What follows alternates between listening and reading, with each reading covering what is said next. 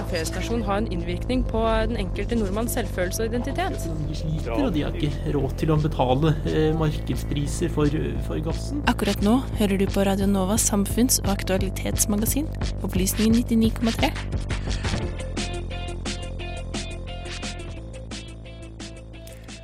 Storbritannias statsminister har gått av. Hvorfor, og hva kan skje? Hvor langt har kjernekraftsteknologi kommet siden Tsjernobyl-ulykken i 1986? Og har vi god grunn til å være skeptiske til det? Etter nylig gjennomført EU-parlamentsvalg tar vi en titt på hovedinstitusjonene i EU og hvilke forandringer som har funnet sted. Visste du at som norsk statsborger må du betale nesten 200 000 kroner mer for en treårig bachelorgrad enn det studenter Det er et land som på en måte er eh, stadig i konflikt, og som har vært igjennom eh, mye konflikt. Markedsføringen av Norge som en fredsnasjon har en innvirkning på den enkelte nordmanns selvfølelse og identitet? De sliter, og de har ikke råd til å betale eh, markedspriser for, for gassen. Radio Novas samfunnsprogram Opplysningen 99,3 hver fredag mellom 10 og 11.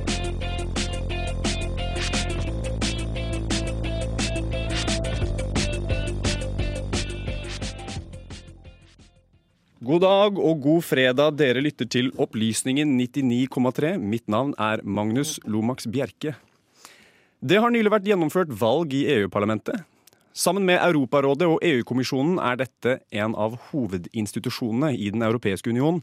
Men den skiller seg ut ved å være den eneste der medlemmene er direkte valgt av borgerne. Valget så en nedgang i oppslutningen for moderate sentrumspartier og en økning for de grønne og EU-skeptiske partiene.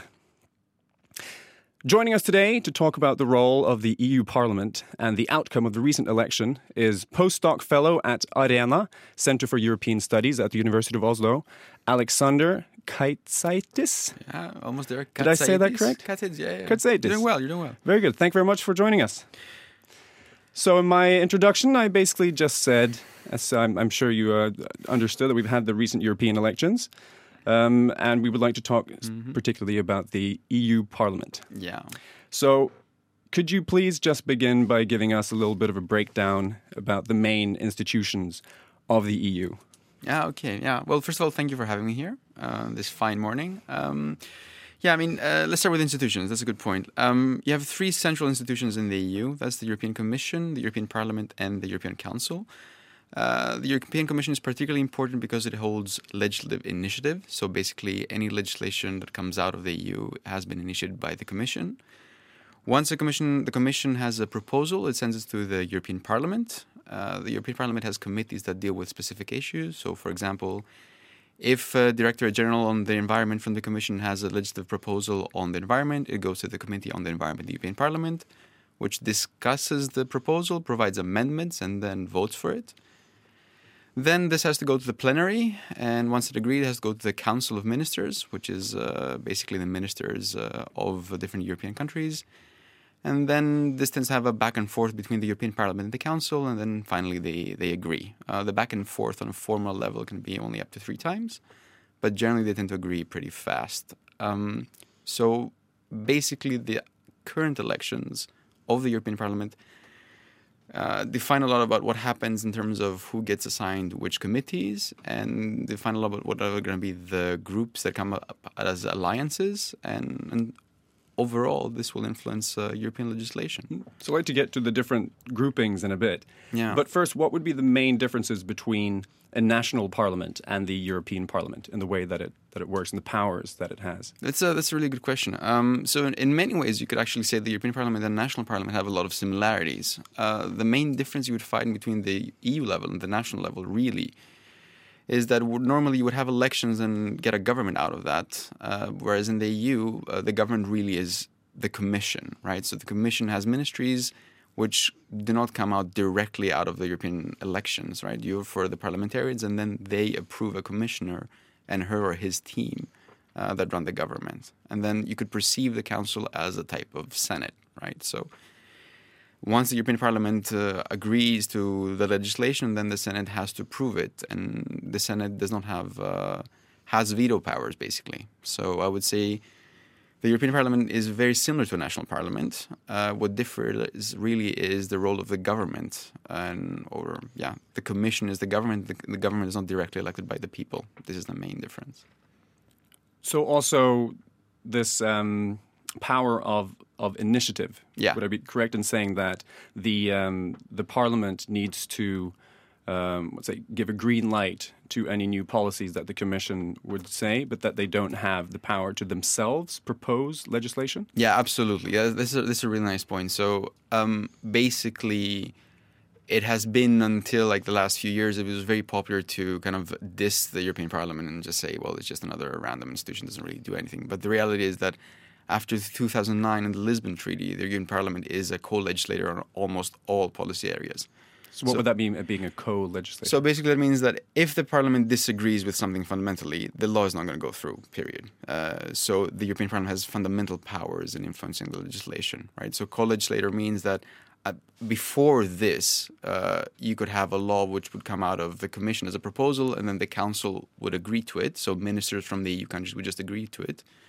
And the Parliament could at best just provide some comments on that, maybe delay the procedure a little bit. Now, as a co-legislator, it can veto laws it does not agree with.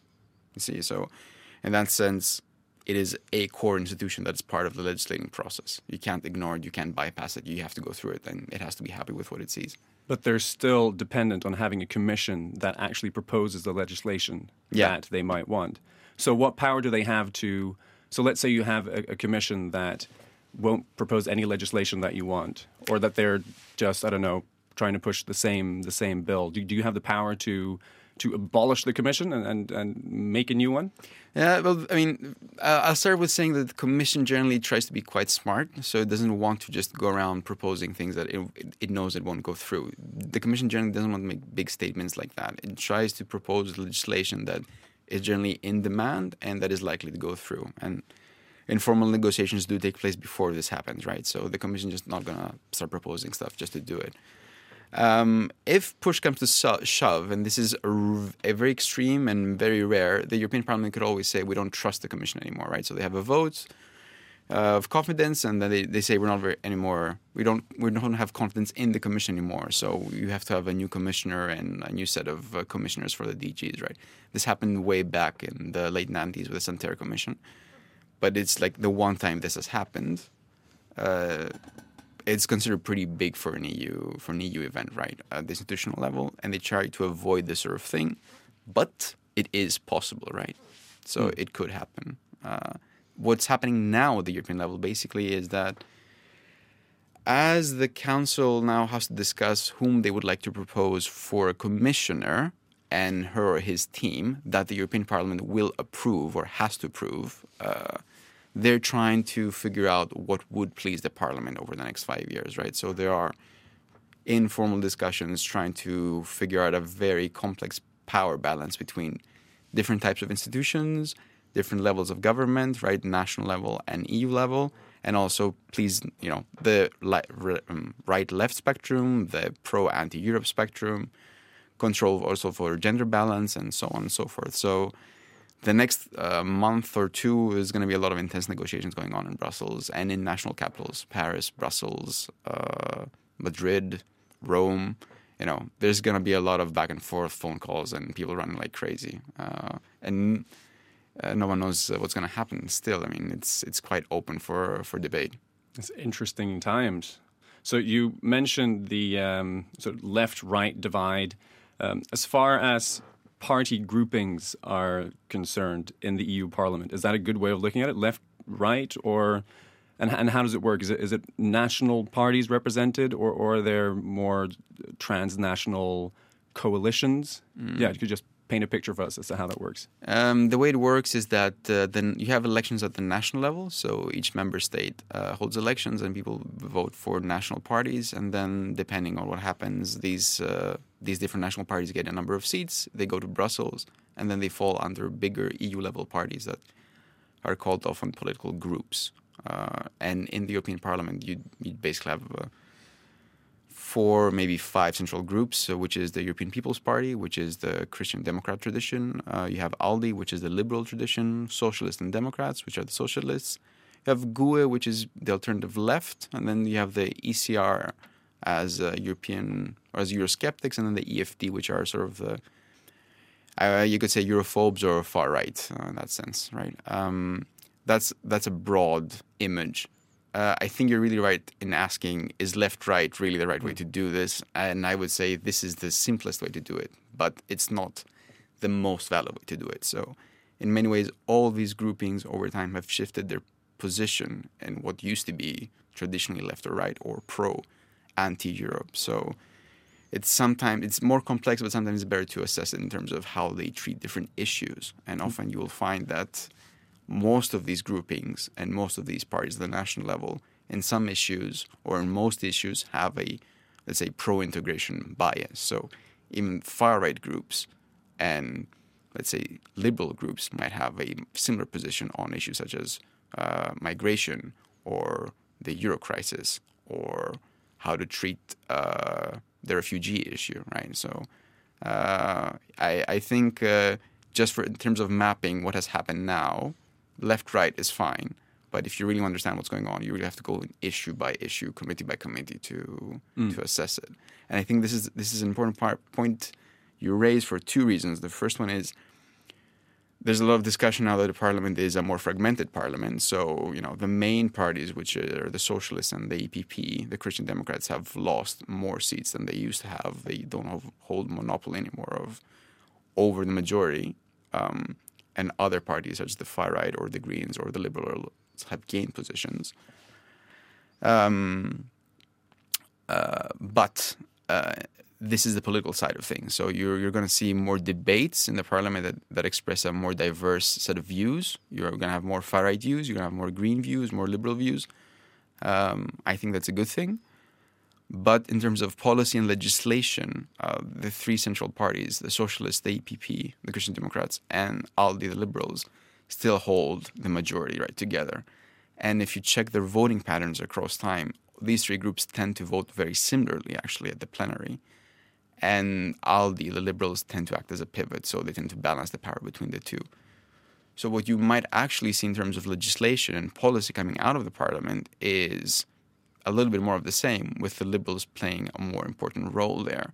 So, you have to differentiate over the next five years when you're analyzing the European Parliament and trying to understand the EU the difference between the discussion and the views that are being expressed and what is actually being taking place in the committee where the real work happens in the European Parliament. Mm-hmm. So, what are the greatest takeaways from the uh, 2019 elections that Ooh. just happens? Any new things? Uh, what I've heard is like a soundbite is the sort of centrist parties kind of went down, and then there was more uh, more seats to the, the Greens and the uh, uh, Euro skeptics. Yeah, so I think yeah, so I think just going back one once I think going back to just the previous one is, is this that so the soundbite you've heard is very popular and very easy to break down. So it just describes what has happened. But if you understand what's going to happen in terms of legislation, you really should pay attention to the difference between sort of politics and, and policy that we just discussed. I would say the most important takeaway for me out of this election is that European Parliament elections are not any longer second order elections. So until now, or until recently, it was very popular to again diss the parliament and say, yeah, well, you know, European Parliament elections, people don't go to vote for that, and really doesn't really matter. It's more kind of a, a referendum that kind of tries to approve, show approval or disapproval over the national government. And I think these elections are definitely disproving that. So, first of all, more people came out to vote this time, which is a good sign.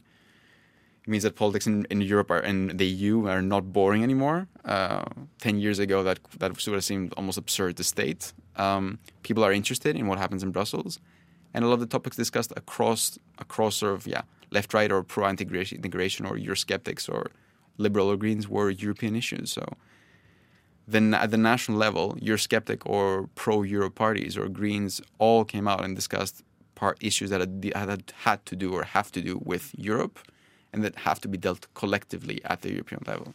And I think that's a really interesting takeaway. So, what would you say is the role of Eurosceptic parties in the European Union? Because it kind of kind of sounds strange. I, I, imagine people would say, "What are they going to do? Just sit there and not say anything, or try and ruin things?" Mm-hmm. So, like Britain now, the the, the the, the Brexit Party yeah. had a very very good turnout. Yeah, so, um, and they weren't even supposed to be there. You know, if they had left the European Union. So, so what has that got to say for for anything? I think you that's a. I think you have to you have to mm, take two notes. The first one is that your skeptics have uh, become shrewder over time, right? So 15 years ago, your skeptics were really people like Nigel Farage and just saying Europe is bad and getting, He's still here. yeah, but it, this, this is, he's still here, and it's interesting how he has evolved, right? So 15 years ago, or even 20 years ago, Nigel Farage was just saying Europe is a bad thing. He got a big fat paycheck, and everybody was happy. He just went home and did his thing.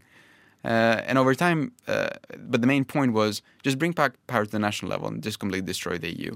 And people like Marine Le Pen were also on that on sort of that sort of line. Uh, but over time, they just realized, well, actually, this is not maybe the smart ways to go about it. Maybe it's a better way to just take over the whole building and do as we want at the European level, right? Which is a big political statement with implications for campaigning and their political agendas. So now your skeptics or Europhobes are more in line of, yeah, let's try and form bigger coalitions and influence policy rather than just bring the whole temple down onto our heads.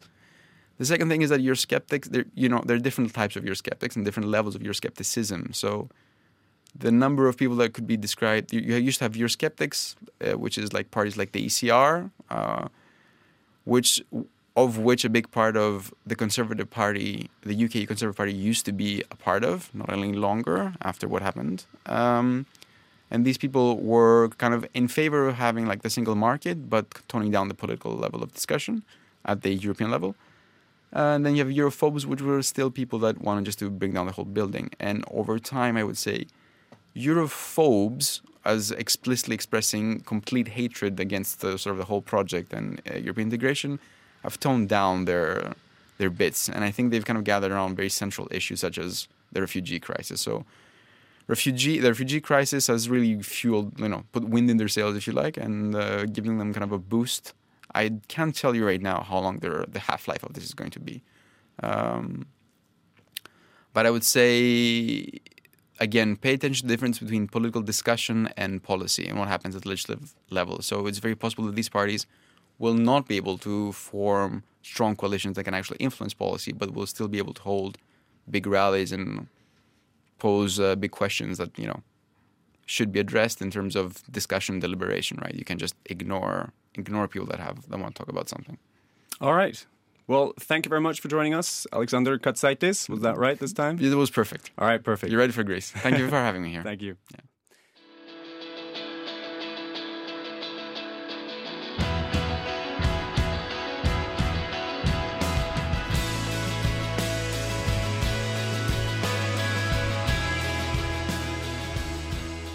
Jeg og veldig mange andre nordmenn har tilbrakt de to siste dagene med å se på den nye HBO-miniserien Chernobyl, som handler om Tsjernobyl-ulykken, som skjedde natt til 26. april 1986 i det som var da Sovjetunionen i Ukraina. Det er med Stellan Skarsgård, og det er eh, rett og slett en ganske forferdelig serie å se på eh, når det gjelder å, vise hva som kan skje når en eh, reaktor kommer i eh, trøbbel, rett og slett. Og det er ikke rart at veldig mange ser på dette her og kanskje er litt skeptiske til atomkraft generelt og tenker at om vi kan slippe, så vil vi helst ikke bygge mer eh, av dette her.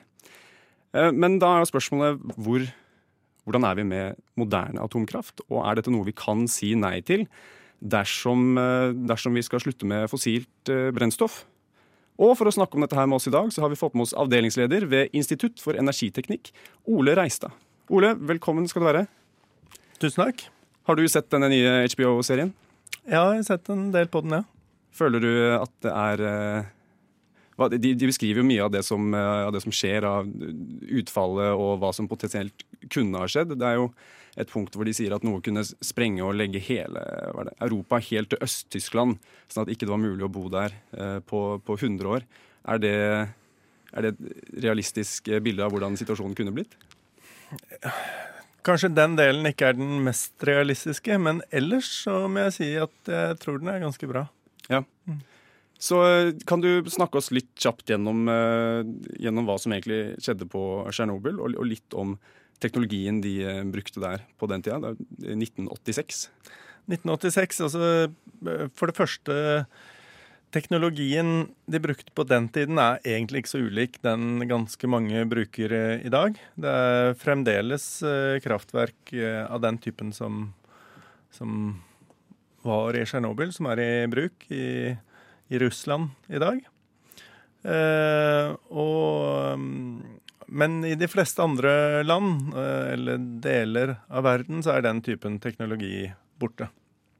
Eh, det som skjedde, eh, det var, det var, at de skulle foreta en test midt på natten. Og det var også et skifte mellom to, to skiftlag, altså et kveldsskift og et nattskift.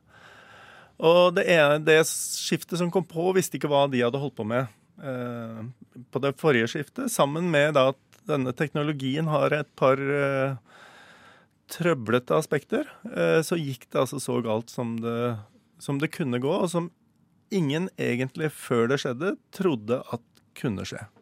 Ja, for Det er veldig morsomt aspekt, eller ikke morsomt, det er et skummelt aspekt, den serien hvor man ser hvordan måte, byråkratiet fungerer, hvor alle vil prøve å fraskrive seg ansvar. Og, og sjefene ikke, rett og slett ikke tror på det som blir sagt uh, at har skjedd. Så det viser jo noe til at uh, den menneskelige faktoren da, kanskje kan være en, uh, en viktig faktor. Eller at hvert fall var det da.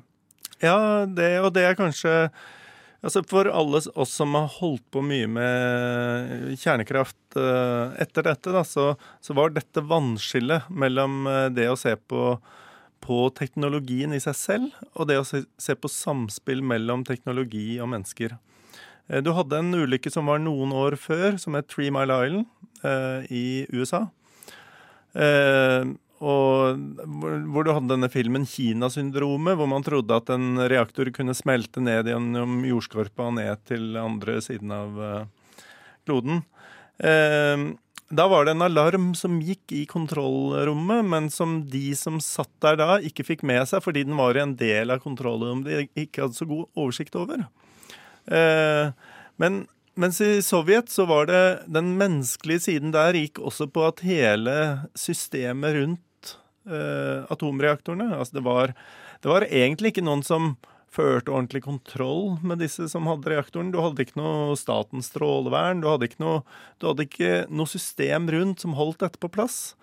Men det var men det var på samme måte også en sånn faktor i Fukushima-ulykken i Japan. Japansk kultur ikke sant? Den er litt sånn servil. Det er ikke egentlig at de vil, de vil ikke finne feil hos hverandre. Så, så akkurat den menneskelige faktoren har vært viktig overalt. I alle ulykker, egentlig. Så hva var den store forskjellen på eh, Fukushima og Tsjernobyl? Mitt inntrykk er at Fukushima var på veldig veldig mye mindre skala. Men kan du gi oss en oppdatering på hvordan det står til der nå?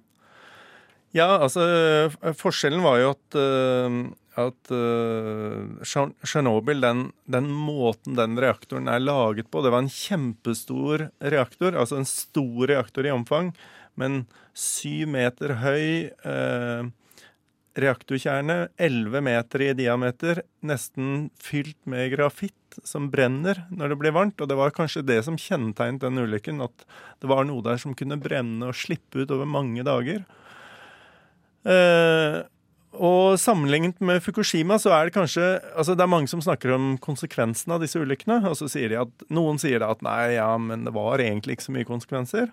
Så er det noen som sier at dette var jo forferdelig ulykke for hele samfunnet. Og da på mange plan Det er noen som tar med seg da bare det som skjedde i selve ulykken og rett etterpå, men så er det noen som da vil omfatte alt som skjedde med at folk måtte flytte, og folk blir ja, rett og slett eh, Det er mye psykososialt som egentlig skjer etter en sånn ulykke. Eh, og, og det er vel det som har kjennetegnet Fukushima også. At uh, hvordan det har liksom vært en stressfaktor for et helt samfunn i mange, mange år etterpå, er også utenfor det noen kunne tenke seg. Mm. Du nevnte at det var stor forskjell på ja, teknologien Russland brukte og kanskje bruker i dag også, og det som fins andre deler av verden. Eh, hvordan står det til med moderne kjernekraftverk? Måte, det, det, beste vi har, er det, hvordan er sikkerheten på, på slikt? Ja, det beste vi har eh, Det beste vi har, er egentlig det beste vi har hatt ganske lenge. For det bygges ikke så veldig mange nye kraftverk i verden i dag. Eh, og de som er, er stort sett sånn at man prøver å forlenge levetiden på de som har vært. Så det viktigste man gjør, er egentlig det å bli kvitt den gamle teknologien. Bli kvitt de første eh, sovjetiske verkene, de russiske verkene. De eldste av den typen. Og bare ved å bli kvitt de gamle, så blir egentlig verden en del eh, tryggere. Fordi da har du de som er relativt nye igjen. Forskjellen i teknologi er stort sett at de som er nyere, baserer seg på mer passive elementer. Altså, du behøver ikke gjøre noe hvis det skjer noe galt. Da er selve teknologien sånn at den virker mot, mot det at det skjer en feil, og ting stenger seg ned og slutter å gå.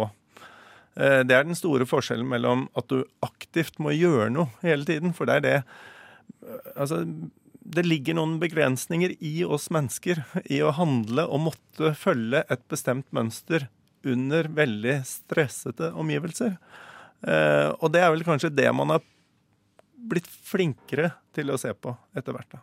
Så det blir ikke noe sånt scenario, sånn som i Tsjernobyl f.eks., hvor du har en eh, sånn kjerne som står og brenner over eh, mange dager eller uker? Det er fremdeles den typen reaktorer i drift. Eh, sånn at du skal Altså, det er vel kanskje det dette har lært oss, at du skal aldri si aldri, i hvert fall. Fordi at eh, nå har, nå har det tre ganger, både i 79, 86 og i 2011, skjedd ulykker som alle sa på forhånd ikke kunne skje. Uh, og da er det tydeligvis et eller annet som ikke er helt på stell når det gjelder den måten å tenke sikkerhet som vi, hadde, som vi har hatt. Mm. Så hvor mye energi er det man kan få som regel av et, eh, et vanlig sånt kraftverk? Er det en god investering? å skulle bygge nye kjernekraftverk? Spørsmålet er nettopp dette med investering. fordi at eh, det som kanskje kjennetegner kjernekraft fremfor det vi begynner å se konturene av nå, det er at du må putte opp masse, masse penger veldig, veldig tidlig. Mens uh, sol og vind det kan bygges ut på en gradvis og modulær måte, og den kan bygges ut nær der folk er. Og det er jo noe man har skjønt med kjernekraft at eh, det skal det bygges ut, så må det i hvert fall bygges ut på visse steder hvor man har Som er under en viss kontroll og et visst samfunnssystem rundt. Det er egentlig det. Det man sier, er kanskje om kjernekraften er sikker nok for samfunnet, er kanskje én måte å stille spørsmål på, men den andre måten er egentlig å si er samfunnet sikkert nok for kjernekraften? Eh, sånn at det er ikke alle steder du kan ha de kraftverkene. Så det er noe med hele måten du, eh, du forsyner folk med energi på, som dette med kjernekraft og fornybar eh, setter det i perspektiv. da. Så har du noe oversikt over hvilke steder i verden som er best skikket til å drive dette her? Og da kanskje også dra med Norge i samme slengen, og hvordan vi eh, stiller? Ja, altså for eh, det er sikkert mange her, eh, her, som tenker at ja, men Norge har jo ikke kjernekraft. Men for alle praktiske formål så har vi kjernekraft. Vi er jo del av et felles marked med Sverige, og de har kjernekraft. Og, og hvis du skal ha et land som kanskje funker bra med kjernekraft Sverige. Fantastisk land. Det er Altså, det er jo et uh, Har de mange kraftverk i uh, Sverige? Ja, de har vel uh, seks igjen nå. De har nettopp stengt to. men et land hvor kanskje folk og organisasjoner har større respekt for lover og regler, og et, et, legger vekt på å ha et velfungerende samfunnssystem enn Sverige, skal du kanskje lete lenge etter. sånn at Sverige må må langt på vei være et idealsamfunn å kunne ha en sånn type teknologi. Og hva med Norge? Norge også, men, men siden vi, vi, har jo kjernekraft siden vi nå har et felles energimarked med Sverige. Det er bare at vi slipper å ta en del av problemene. Vi får en del av fordelene fordi at uh, det påvirker uh, kraftprisen øyeblikkelig idet et sånt kraftverk går opp eller ned. Hvordan, vi, hvordan vi har det her i Norge. Så, så, det er jo egentlig ikke noen grunn til at vi på død og liv skal bygge det innenfor de grensene som omgir eh, landet Norge, når vi på en måte tar del i dette uansett. Ja. Og så er det jo litt vanskelig med, PR-en til, eh, til atomkraftverk. Kanskje å få støtten om man som politiker sier at her skal vi bygge et, eh, et kraftverk. Jeg tror ikke, jeg kan ikke se for meg at noen, eh, noen ønsker å ta den belastningen når de knapt nok eh, når, de, når det er vanskelig å si hvor du skal bygge neste bomstasjon. ja, ikke, ja, jeg kan se for meg at det hadde blitt vanskelig. Men jeg vil i hvert fall anbefale alle å se på denne her serien Tsjernobyl, som er veldig veldig bra. Og kanskje i samme slengen også lese seg litt opp på hva er det som egentlig er eh, myter og farene rundt det. Fordi det er veldig lett å bli innmari skremt. Og da sier vi hjertetakk til deg, Ole Reistad, for at du kunne bli med oss her på Opplysningen. Du hører på Opplysningen 99,3 på Radio Nova.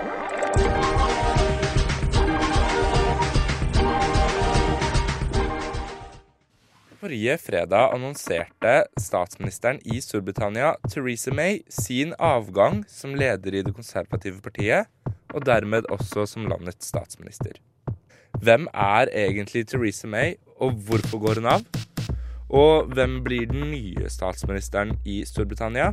Det skal vi ta en liten titt på nå. Theresa May, som egentlig kommer fra Oxford, representerer byen Maidenhead i parlamentet. Da May ble valgt som kandidat i byen, som ligger ca. en time øst for London, i 2017, fikk hun 26 000 flere stemmer enn andrekandidaten, Labours Pat MacDonald. I Storbritannia fungerer valget på en litt annen måte enn i Norge. Landet er delt opp i 650 constituencies, eller valgkretser. Hver valgkrets består av rundt 60 000 stemmeberettigede innbyggere, og under valgene stiller partiene med kandidater innenfor disse valgkretsene. Men i motsetning til i Norge er det ikke slik at hver valgkrets har flere mandater til parlamentet. De har bare én mandat. Innenfor hver valgkrets telles stemmene opp etter valget, og den som får flest stemmer innenfor en valgkrets, får valgkretsens parlamentssete. De andre kandidatene får ingenting. Dette systemet kalles First Past the Post System. May startet sin karriere i Bank of England, den engelske sentralbanken. Før hun i 1997 ble valgt inn i det britiske parlamentet som representant fra Maidenhead. May ble i 2010 utpekt som Home Secretary, eller innenriksminister, og beholdt tittelen fram til hun ble valgt som leder av det konservative partiet. Dette skjedde i kjølvannet av brexit, og hun ble statsminister for landet 13.07.2016. Utenfor Storbritannia er May best kjent for arbeidet som ble lagt ned med forhandlingene av britenes brexit-avtale, og det store nederlaget dette førte med seg. Hele tre ganger har avtalen vært oppe til avstemning i det britiske parlamentet, og alle tre gangene har avtalen blitt nedstemt. Mays siste gjennomslag på brexit-fronten før hun meldte sin avgang, var utsettelsen av britenes uttrekning, som ble godkjent av EU 10.4.2019. Dette fører til at britene ikke trenger å trekke seg ut av unionen før 31. oktober, altså om fem måneder fra i dag. Men for akkurat ei uke siden annonserte May sin avgang som leder i partiet. Dette er etterlatt partiet og Storbritannia ellers midt i en maktkamp. Grunnen til Mays avgang var nok mest sannsynlig fordi hun hadde lite støtte i partiet. De mislykkede forsøkene på å trekke britene ut av EU har virkelig vært et hardt slag for Mays statsministerskap, og dette har ført til at hun har lite støtte innad i partiet. Med stor sannsynlighet vil May bli husket for å ikke ha lyktes med målet sitt om å trekke Storbritannia ut av EU innen 29. mars Det store spørsmålet nå er hvem som vil overta etter Mays avgang 7.6. I skrivende stund er det elleve kandidater som enten har meldt interesse for rollen, eller blitt dratt frem som aktuelle kandidater, såkalte riders. Vi har valgt ut tre av disse og tatt en nærmere titt. Den første er Boris Johnson. Boris Johnson er av mange pekt ut som favoritt til rollen som ny konservativ leder. Hovedgrunnen til dette er at han er sett på som en av de store brexit-bekjemperne. Dette er for Johnson både positivt og negativt, da det fører til at han har masse støtte blant noen i partiet, men også mange som står imot ham. Da Opplysningen 99,3 hadde besøk av Øyvind Svendsen, forsker ved Norsk utenrikspolitisk institutt, forklarte han hvordan Johnson så på situasjonen britene hadde kommet inn i med utsettelsen. Worst case scenario er vi i ferd med å se nå, nemlig hvis man spør Jacob Rees-Mogg og Boris Johnson, nemlig at man nok en gang utsetter brexit, og man blir værende i EU. kanskje fram til 31. oktober. Og hvis man ikke blir enig før 22. mai, så må man jaggu også velge eh, representanter til det Europaparlamentet. Bettingtjenesten Betfair har satt odds på hvem som vinner valget om å bli ny leder i det konservative partiet i England. De setter oddsene for Johnsons seier til to til én. Men vil de som ikke liker Boris Johnson, greie å svelge kamelen og velge ham til ny leder og statsminister? En annen kandidat som har blitt trukket til dem som en plausibel leder av det britiske konservative partiet og statsminister, er Environment Secretary, eller klima- og matminister, Michael Gove. Gove var en kandidat under kampen om statsministerkandidaturet etter David Camerons avgang i 2016, men tapte valget til Theresa May, som som kjent ble leder og statsminister. I tiden etter, i rollen som klima- og matminister, har Gov blitt sett på som en av de mest effektive regjeringene. På spørsmål om brexit, noe som kommer til å bli viktig for valget av ny leder, har Gov gått ut og stilt seg bak Mays brexit-strategi. Gov var selv under valget i 2016 en aktiv brexiter, men har nå tatt det mer upopulære og nøytrale standpunktet. Gov har oddsene 11 til 2, men vil han lykkes å bli leder til tross for tapet i 2016? Den siste kandidaten vi har sett på, er Dominic Raab. Raab er ikke så populær internt i England, men han er sett på som en sterk brexiter selv før folkeavstemningen i 2016. I fjor sluttet Raab i jobben som brexit-minister fordi han stilte seg negativ til retningen May tok landet i, og mente at hun ikke fulgte løftene hun ga før valget i 2017. Raab ble tidlig, allerede i 2010, pekt ut som en sannsynlig kandidat til å før eller siden bli leder for det konservative partiet i England. Betfair gir han oddsene 5 til 11. Men er det sant som du sier, og er Raab godt nok kjent i England til å bli leder for det konservative partiet? Eller stiller han for svakt i konkurranse med de andre kandidatene? Hvem som blir den neste lederen av det britiske konservative partiet, det får vi først vite noen uker etter at May går av 7.6. Prosessen med å velge ny leder foregår ved at det velges frem tre sterke kandidater av alle som er blitt stilt. Deretter vil parlamentspolitikerne fra det konservative partiet velge frem to kandidater før valget vil ligge i grasrota hos det konservative partiet. Disse vil stemme via posten, og vinneren blir ny leder og deretter statsminister. Kandidaten må ifølge britisk lov godkjennes og utpekes av dronningen Queen Elizabeth II. Men det er rent formelt, og sannsynligheten for at dronningen vil ha noe å si på dette, er svært, svært liten. Så hvem blir den nye lederen av det konservative partiet? Blir det brexit-generalen Boris Johnson? Den godt likte Michael Gove? Den nesten ukjente Dominic Raab? Eller noen helt, helt andre? Det er det bare tiden som vil vise oss.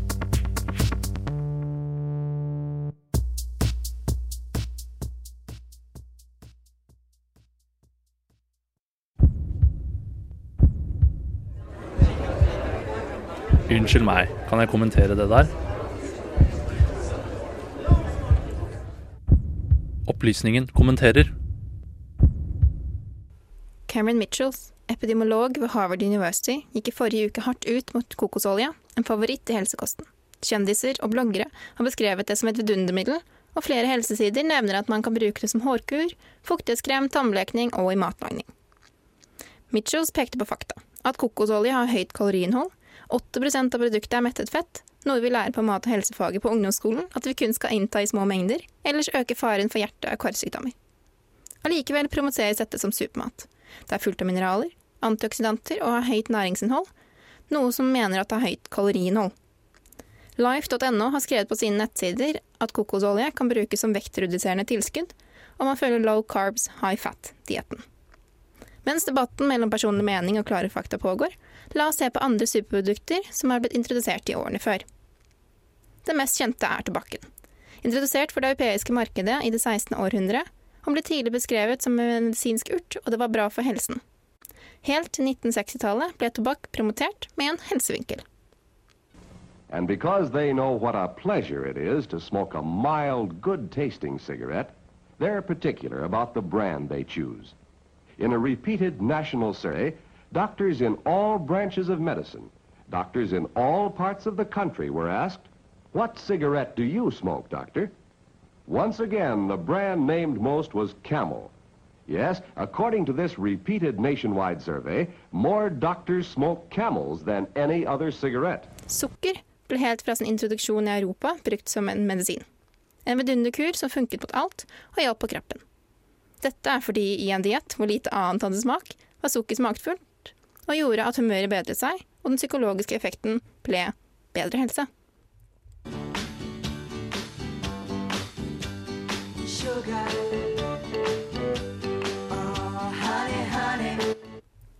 På 80-tallet ble egg farliggjort av flere ulike myndigheter.